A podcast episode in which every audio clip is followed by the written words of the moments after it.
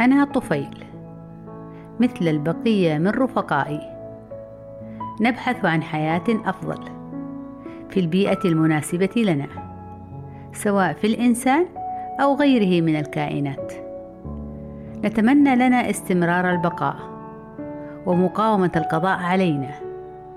فالحياة صراع والبقاء لله وحده. نحن عائلة كبيرة جدا وقد لا يعرف بعضنا البعض الآخر فنحن نعيش حياة حرة متنقلة بين مختلف البيئات. نكره الروتين الحياتي ونفضل الطيران والانتقال بين أماكن قريبة أو حتى مترامية الأطراف. نختلف نحن في مسمياتنا والتي أطلقها علينا بنو الإنسان وذلك باختلاف رغباتنا كما أنهم صنفونا من المخلوقات الضارة لعلمهم بأننا ننقل لهم أمراضا خطيرة. وهم لا يعلمون أن ذلك إنما يحدث دون قصد أو تعمد. والله على ما أقول شهيد.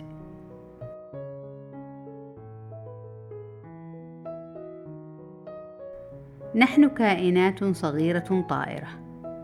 لكون إله الكون سبحانه قد زود أجسامنا الهشة بزوج من الأجنحة الشفافة. وأجزاء فم قادرة على الامتصاص. بعضنا وخاصة الإناث منا لا تستطيع الاستغناء عن امتصاص الدم. لحاجتها في نمو بيضها والمحافظة على نسلها. مرورا بتكوين اليرقات والعذارة. حتى تظهر الأطوار البالغة الحرة الطائرة. وهي في كل ذلك تغالب حالات التدمير والفناء لولا رعاية الخالق لها وله في ذلك حكمة سبحانه.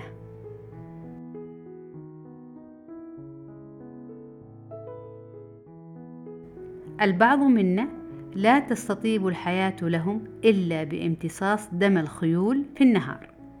ناقلة منها للإنسان ذلك الطفيل المسبب للعمى. محولة حياته إلى بؤس دائم وشقاء. وهناك أخريات ناشطات ليلية أخذت من الرمل قرينا لها في اسمها فهي تلسع بني البشر ببراعة حيث لا تصدر صوتا عند طيرانها ناقلة لهم مرض الليشمانيا الخطير بأنواعه الثلاثة والذي يكتسح العالم في كل قاراته.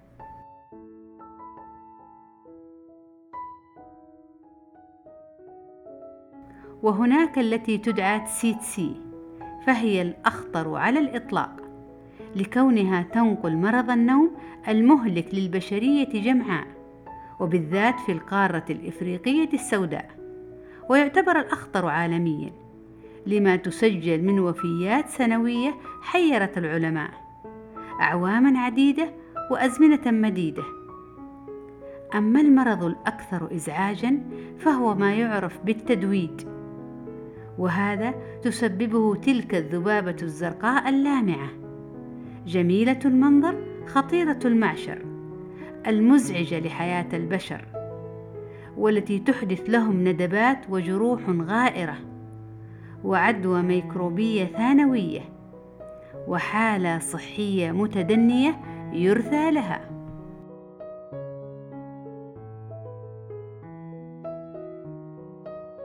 ولكن ماذا عني وماذا أفعل في حياتي؟ في الواقع أنا أعتبر أقلهم ضررا لكني أكثر انتشارا وناقلا لمختلف العدوى.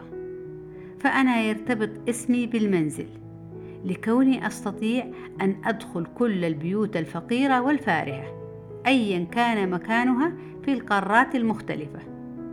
طيراني سريع وسكوني فظيع امتص ما أجد من غذاء وأضع ما أحتفظ به في الأحشاء وما تحمل أرجلي وأجنحتي من ميكروبات ووباء. كل هذا والإنسان في غفلة عمياء لا يعلم ما يحيط به من شرور وبلاء.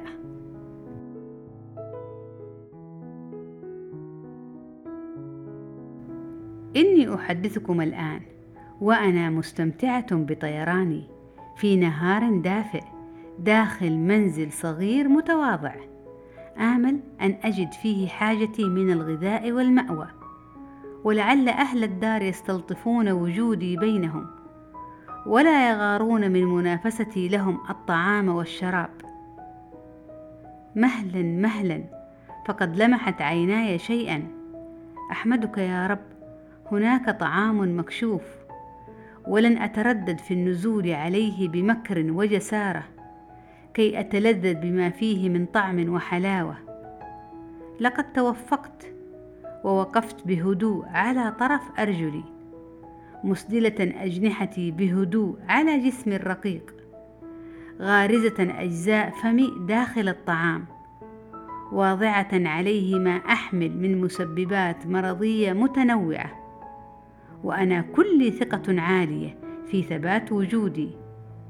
رغم أن هناك محاولات بائسة لإبعادي ولكن لا أمل من مغادرتي وترك مغامرتي.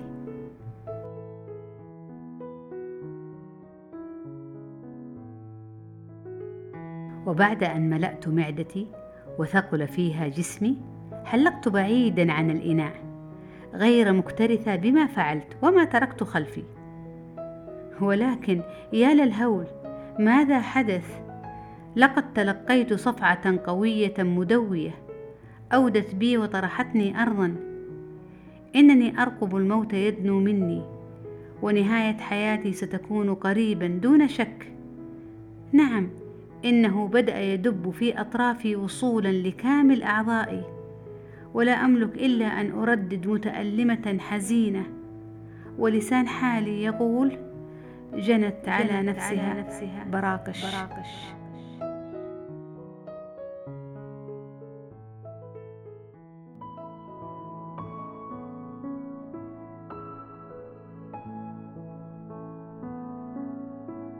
سمعتم الحكاية وعرفتم الرواية وكانت النهاية. ويتجدد لقاءنا بكم في قصة طفيلية أخرى تشد انتباهكم وتستدعي اهتمامكم. دمتم بخير.